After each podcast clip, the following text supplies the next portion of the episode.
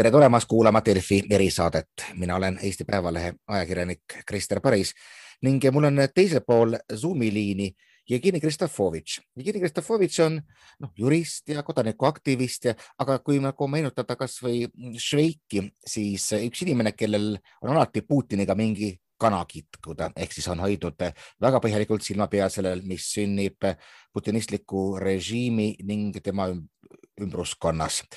ähm,. ning sel nädalal tõesti oli meil kõigil üle hulga aja tegelikult jälle äh, meelel ja meedias esikohtadel Venemaa.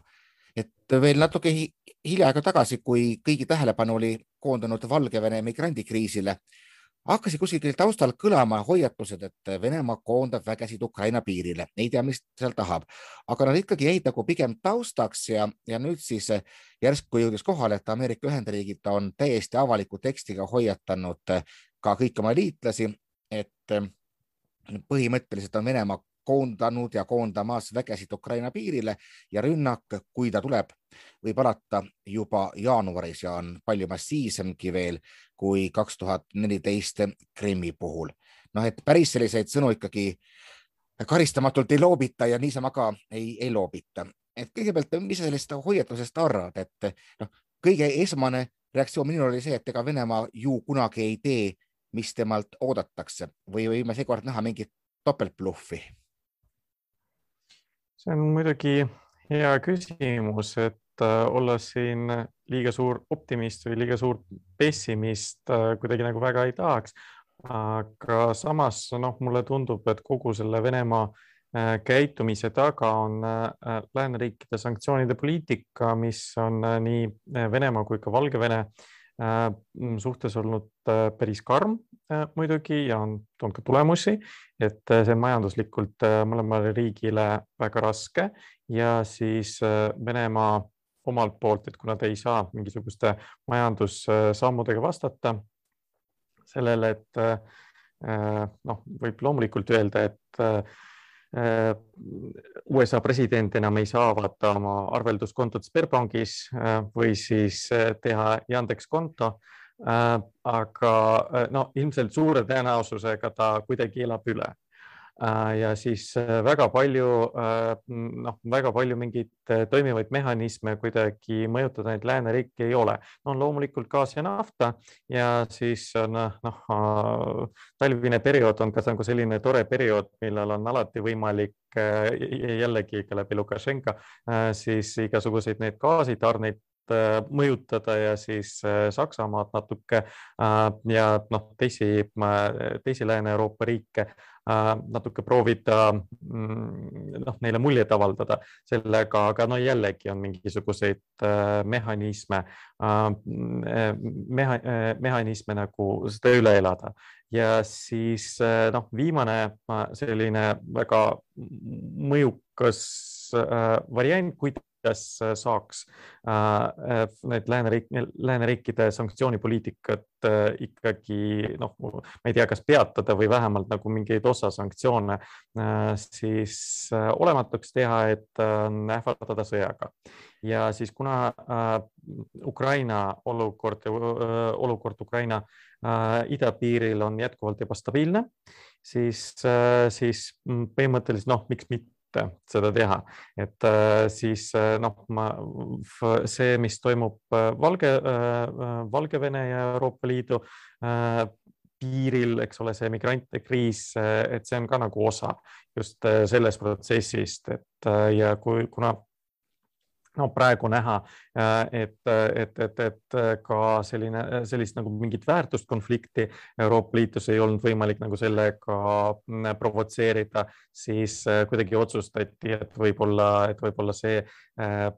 tulemust ei too, siis äkki, äkki toob midagi siis mm, mingi, mingi provokatsioon Ukrainaga seoses. ja noh, ma see, et USA sellele reageeris ja väga jõuliselt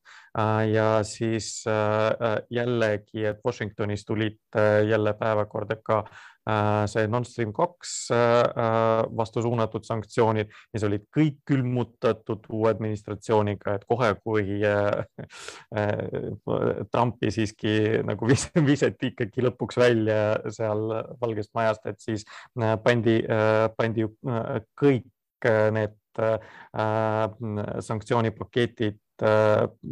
väga-väga kaugesse sahtlisse, et ja siis põhimõtteliselt oli, oligi näha, et noh, sellega on kõik, aga nüüd on nad põhimõtteliselt no, eelmisel nädalal nad olid kõik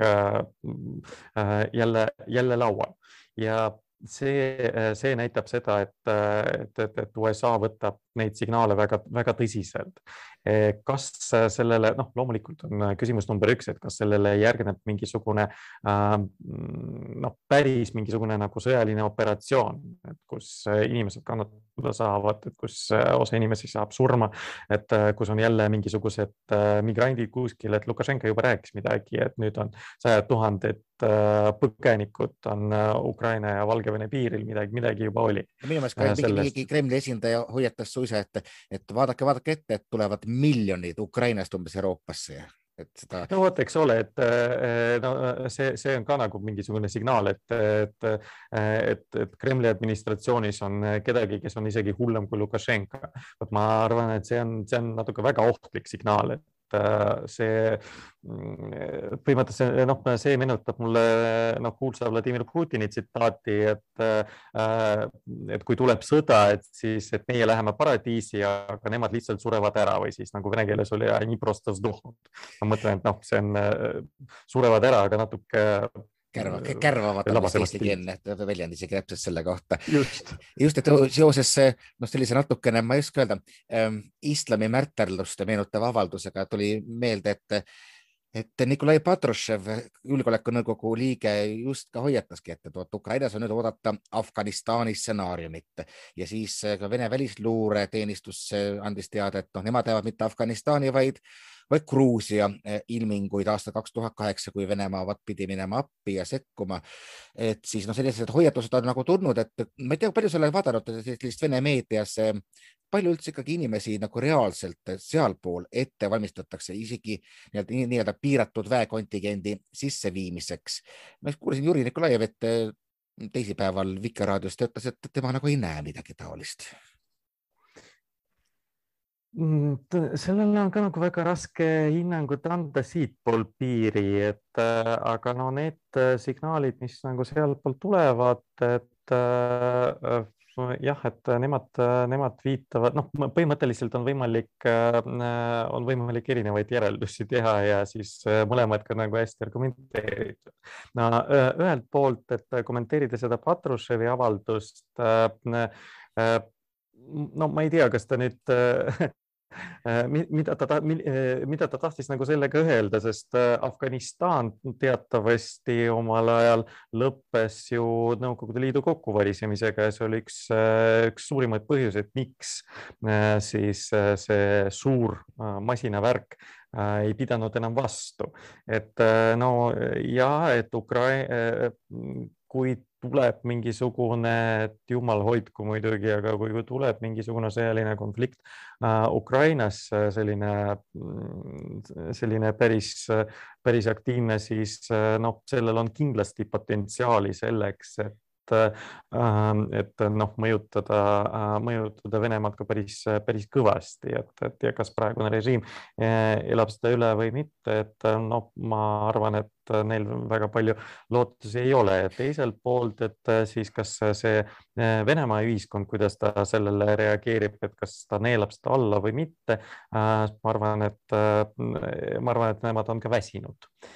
sellest, et seda, seal on aina rohkem kosta siis selliseid noh, režiimi suhtes ka negatiivseid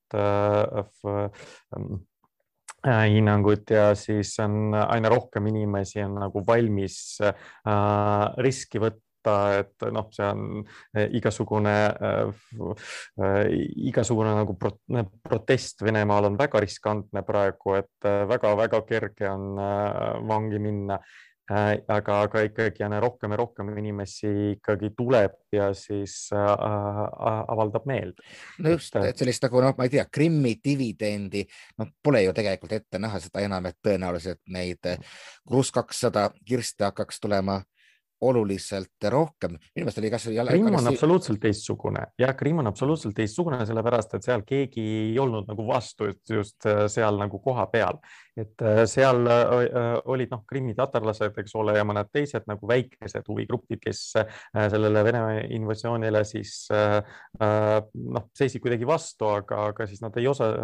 ei osutanud aktiivset füüsilist vastupanu ja siis see on nende jaoks oli väga äh, lühike ja väga edukas sõda. Et äh, siis kas äh, Ida-Ukrainas kordub see stsenaarium, et no esiteks on väga-väga vähe tõenäoline, kindlasti seal on need, kes,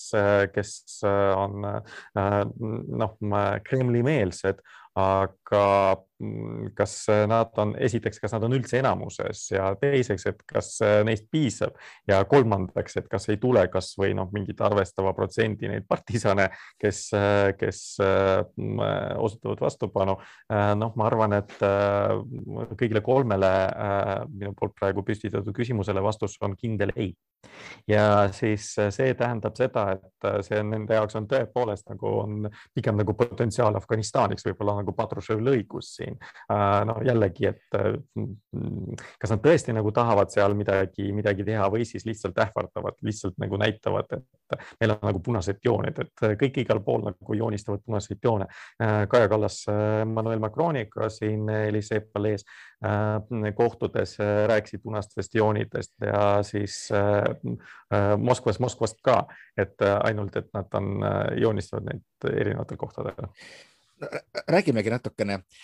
sellisest äh, taktikalisest plaanist võib-olla kaugemalt, et siis sellisest Vene strateegilisest eesmärgist. et no praegu jah, et kui sa tõid näitena sanktsioonipoliitika, see on, see on nagu pigem võib-olla selline taktikalisem isegi lähenemine, aga ikkagi, et no mis võiks olla selline noh, eesmärk, et mis,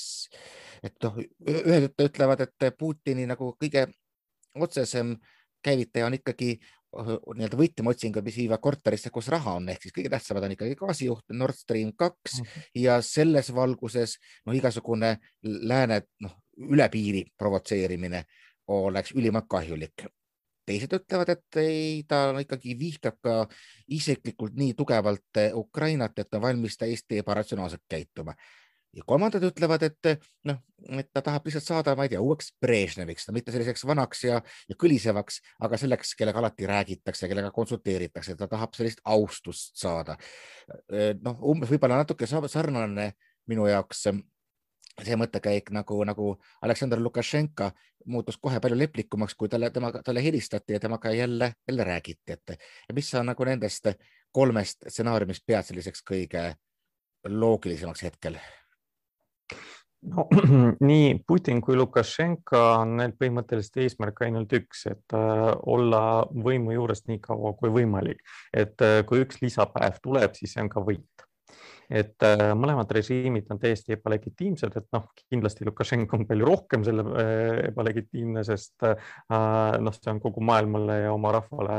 selgelt näha ja siis noh, selle üle puudub igasugune diskussioon, et äh, Putini äh,, Put, Putini režiimi noh, legitiimsus justkui nagu tundub, et natuke, natuke tugevam on, aga, aga see on ka nagu selline habras, et äh, siis noh, Lukašenka puhul ka sisuliselt nagu üleöö kõik muutus, et keegi ei osanud et arvata, et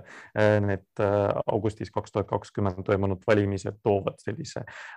tugeva tugeva protesti ja siis no, praegu on äh, kõik läinud nagu politsei äh, sisuliselt on seal äh, noh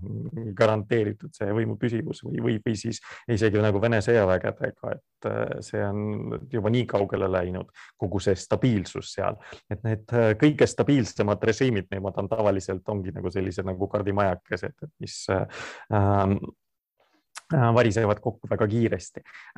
sest ja, ja siis noh, neil on mõlemal, mõlemal just see oht silmapiiril ja siis miks Putini jaoks just see Ukraina, talle tundub, et noh, see on, see on, see on see kõige ohtlikum, tema jaoks nagu kõige ohtlikum piirkond, sellepärast et kui neil läheb kõik hästi ja siis, et nemad on valinud nagu seda demokraatia teed. Ja siis nagu sellest äh, kolmnurgast, eks ole, Valgevene, Ukraina, Venemaa, mis on äh, noh, sisuliselt nagu kultuuriliselt üks äh, päris kindlasti üks ähm, äh, kuidagi nagu äh, noh, need riigid on väga sarnased, ma mõtlen, et kas on üks tsivilisatsioon, kas seda saab öelda. no, no suure tõenäosusega ikkagi saab, et nagu väga paljudes tähendustes, et ma ei taha nagu kuidagi pisendada, eks ole, äh, seda rahvusriiklust ja siis seda kõike, aga, aga kultuuriliselt on ja poliitiliselt see äh, üks noh, mõnes mõttes üks tsivilisatsioon ja kui nüüd Ukraina Äh, läheb selget teed, eks ole, sinna lääne poole ja, ja näitavad, et äh, ka see on võimalik, eks ole, et siis see on palju tugevam signaal kui äh, vene rahvale just, et kui, kui näiteks, et kui vene rahvas näiteks vaatab meie poole, et Balti riik riikide äh, siis need geopoliitilised valikud äh, tõestavad, et see lääs ei ole, äh, ei ole nagu see suur kurja juur, et tegelikult on võimalik ka nagu tsiviliseeritumalt ja teistmoodi nagu asju ajada, kui siis see, mida, see tee, mida valis Putini Venemaa, et ja siis võib-olla natuke see mõjutab ka mm, see vene rahva valikuid edasi ja siis nende käitumist, nende elektoraalset käitumist. Ja siis äh, seda Putin nagu kõige rohkem kardab, et see, et, et, et Ukraina läheb hästi. No,. seetõttu nemad mm -hmm.. ja vot, et on ju võimalik ka siis näidata, et, et ei lähe hästi, et äh, kui nagu rääkida sellisest äh, Kremli laiemast mõtlemisest, et kuidas üldse võimul püsida, ega noh, ma arvan, et me e-, eksiksime, kui me väidaksime, et Kremlis istuvad puha idioodid, kes sellise asjade peale ei mõtle. Ja mõnikord sellist mõtlemist natukene ma ei tea, kas tilgutatakse välja või, et äh, sel nädalal päris äh, paljud kommentaatorid kommenteerisid ühe inimese, kes nagu, nagu ei omagi mitte mingisugust ametlikku positsiooni, aga Vladislav Surkovi artiklit, mis äh, ilmus sellises mitte väga loetud väljaandes nagu Aktuaalsed kommentaarid ning ta, ta kirjeldas sellist nagu soovitud Eh, Kremli mm, strateegilisi sihte ehk siis mida noh, seda on võetud kokku kui kaoseksport. Ja kui ma nüüd kirjeldaksin hästi lühidalt eh, selle sisu, siis umbes see, et kui sul endal on riigis probleemid, sul võib-olla ähvardab kaos, siis kõige kindlam on eksportida see kaos naaberriikidesse ja, ja endal pigem siis ütleme, kasvõi kruvisid kokku keerata ja ühiskonda tihendada, et näidata, et see on edukam viis kui, kui siis see, mis mis sünnib naaberriikides. et üks kommentaatoritest kuskil võrdles seda sellega, et kui sa, sul on kõht lahti, siis selle asemel, et, et ennast ravida, sa lähed naabri ukse taha ja teed oma häda, häda sinna ja tegelikult noh, levitad siis enda selliseid pisikuid. aga miks sellest Surkovist nii palju üldse räägitakse, kes ta selline on? jah, me mäletame, et ta omal ajal oli üks nendest, kes pani aluse näiteks no, Eestiski tuntud našide liikumisele, vähemalt lõi selle kontseptsiooni. pärast ta nagu rääkis sellest Novorossija kontseptsioonist. našisid enam ei ole, Novorossija on nagu läbi kukkunud ja, ja ometi ta kuskil tegutseb ja teda loetakse ja kuulatakse. Äh, Surkov on väga suur idealist, ma ütleksin, et äh, ta on äh, noh, jah, kogu selle Putini režiimi teoreetik, et äh, ta üritab sõnastada juba aastaid, kui mitte aastakümneid, üritab sõnastada sellele mingisuguse, mingisuguse ideoloogia Äh, see on äh, selle suveräänne demokraatia on omal ajal ka tema poolt äh, või, või tema osalusega, ütleme, et selline välja töötatud strateegia, mis on olnud Putini selle võimuajastu algaastatel vist nagu kõige Mm, noh, populaarsem loosung, et, et jah, demokraatia küll, aga nii nagu meie seda tõlgendame, et see ei ole mingit universaalset demokraatiat ja siis äh, igas riigis on oma demokraatia ja ettekujutus sellest ja äh,, ja, ja meil on vot selline et ja, aga see oli nagu noh, lõpp, lõpuks nagu sisestamata selline mõiste, sisustamata mõiste, et nemad ikkagi otsisid sellele tähendust, otsisid oma maailmavaadet. et noh, paljudele poliitikutele see meeldib, et ja siis miks, miks mitte Putinile ja siis tema leibkonnale, aga Äh, see, et äh, kus on nagu Surgovil on äh, vaieldamatult õigus, et see on, see on väga hea taktika siis eksportida oma kaos siis naabritele, eriti kui need naabrid on siis mitte sama tugevad kui sina, et see on nagu, see on vene keeles on selline kõnekäänd, et et siis, et noh, see siis siin noh, ma projitseerida seda Venemaa-Ukraina suhetele öelda, et see kaos kiiremini tapab Ukraina riiki, kui siis põhjustab Venemaal selliseid pöördumatuid muutusi, mis viivad selle mingisugusele transformatsioonile ka, ka võimukoridorides. või siis noh, ilmselt nagu keegi väga ei soovi siis, et Venemaa riik Äh, Vene riik kui selline nagu lakkas olemast, et aga, aga no kas see äh, stsenaarium on kahjuks nagu tõenäoline, et kui liiga palju nagu selliste idealistlike stsenaariumitega noh, diplomaatiliselt öeldes äh, tegeleda. Ja aga see, et, et nad noh, kuna neid valikuid on, valikute arsenaal on aina kitsamaks läinud just sanktsiooni, sanktsioonide poliitika tõttu, siis nemad valivad Äh, seda, mis neil on praegu. Ja siis äh, see kaose eksportimine on, miks mitte, äh, see on, see on jällegi see, mis, mida nad võivad rakendada. Ja, ja, ja eks nad proovivad seda rakendada. Praegu, praegu rohkem ähvardavad ilmselt. ja noh, Lääs ja USA ja Euroopa Liit ka kõik näevad seda ja USA kommunikeerib välja, et Euroopa Liit vähem, et Euroopa Liit saadab igasuguseid signaale, Merkel kasutades alles oma viimaseid äh, päevi äh, mm, siis liidukantsleri ametis ka isegi, isegi teeb igasuguseid telefonikõnesid kogu aeg, räägib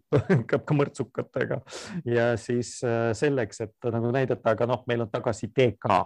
et äh, me võime natuke, natuke, natuke siin äh, noh, mõjutada seda äh, olukorda natuke teiste võib-olla meetmetega. noh, me vaatame, ma arvan, et nagu mõlemad strateegiad on head, et nii USA kui Euroopa Liidu oma et siis eh, no üks neist kindlasti eh, või, või siis nagu mõlemad nagu korraga siis toovad mingisuguse, mingisuguse lahenduse sellele, sellele olukorrale, võib-olla kuidagi nagu tuleb mõistus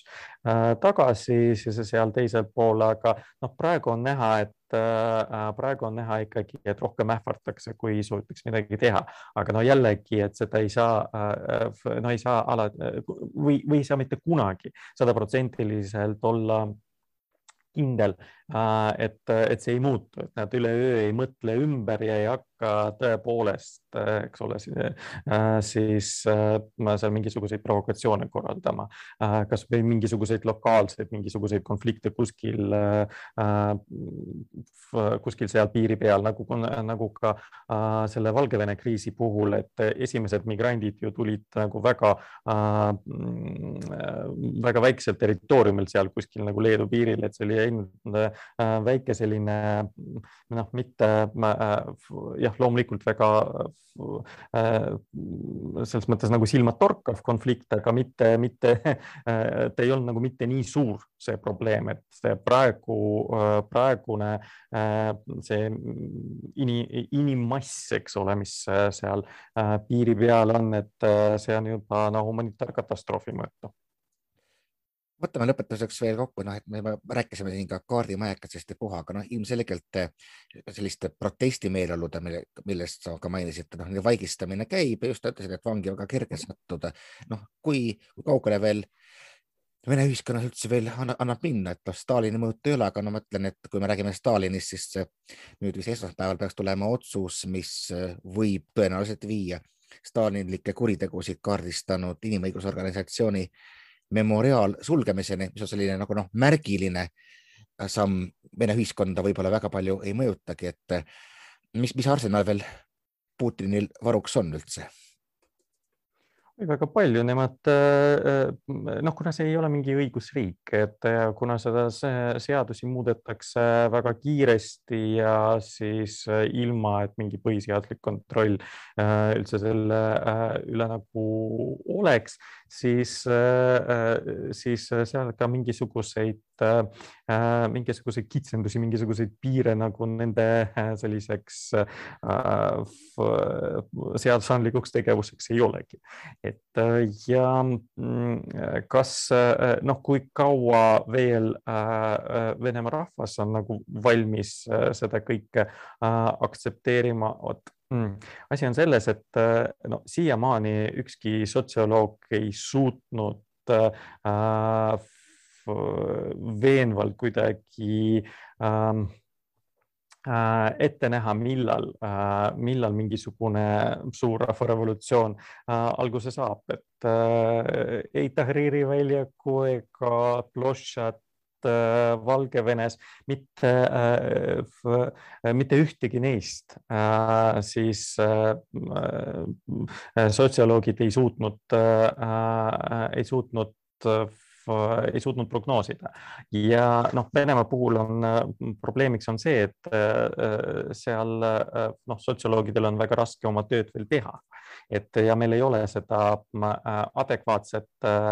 adekvaatset pilti sellest, mis, mis seal toimub, et noh, märke on igasuguseid, aga äh, see, et noh,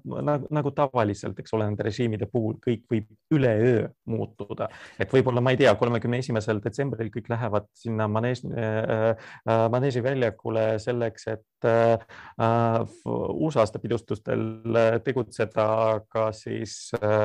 kuidagi nagu suures hoos lähevad äh, Kremli poole ja võtavad võimu üle, et või see, kas see on täiesti võimalik Venemaa puhul? ma mäletan, et mm -hmm me, äh, meie seast lahkunud nagu äh, Ljudmila Aleksejevat omal ajal äh, siis, kui oli see strateegia kolmkümmend üks, et kui kolmekümne esimesel kuupäeval käisid ja jalutasid, eks ole, seal Moskvas, et kui tema selles Negurečka kostüümis tuli, tuli välja ja siis temaga oli väga suur rahva hulk nagu minemas, ükskõik kuhu poole ta oleks neid ka kutsunud, et siis võimud pärast ei julgenudki teda puutuda seal, kuigi noh siis äh, ka tol ajal juba noh, kogu see strateegia kolmkümmend üks äh, oli näha, et ta on noh, see ohtlik, ohtlik liikumine ja siis nemad muidu käitusid nende isikute suhtes väga resoluutselt, et see tegelikult on see kõik plahvatusohtlik, see on juba aastaid plahvatusohtlik, et ühel hetkel see, see plahvatab kindlasti, et kui, kui tugevalt, et see on jah, see on, see on omaette küsimus. vähemalt on Kremlil nüüd üks hea sõnum, see, mis vaatab vastu meie elektri, gaasi ja autokütuse arvetelt, et noh, noh, raha praegu vist on raha on neil päris kindlasti väga vähe, et siis, sest noh, kriis on igal pool kriis ja see Covidi kriis ka nagu annab siin täiendava mõju, et Äh, siis äh, Venemaal on äh, või Putini režiimil on praegu väga raske. Ja seetõttu, et ne, ja seetõttu need sanktsioonid ka toimivad nii suurepäraselt, sellepärast et neil ei ole äh,, neil ei ole liiga palju neid täiendavaid ressursse selleks, et äh, kuidagi nagu tasakaalustada seda, et ja, ja seetõttu nad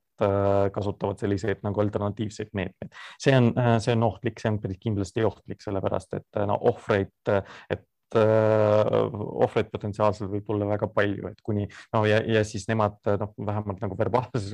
kommunikatsioonis nagu kogu aeg ütlevad, et me oleme kõiki, kõikideks nendeks stsenaariumiteks valmis, et need miljonid põgenikke, eks ole, seal Ukrainas või sajad tuhanded, millest rääkis Lukašenka selleni välja, et võib siia dohnit, nagu ütles Putin, siis noh, see lihtsalt nagu näitab seda, et neil on nagu paanika päris, päris suur Nonii, väga lahe on siis lõpetada sellise toreda tõdemusega, et me istume eh, podiseva survekatla või siis eh, ei tea, kas juba süüdatud süütenööriga pommi kõrval. aitäh, Jevgeni Kristofovitš, mina olen Eesti Päevalehe ajakirjanik Krister Paris. Ja jälle kuulmiseni meie uutes erisaadetes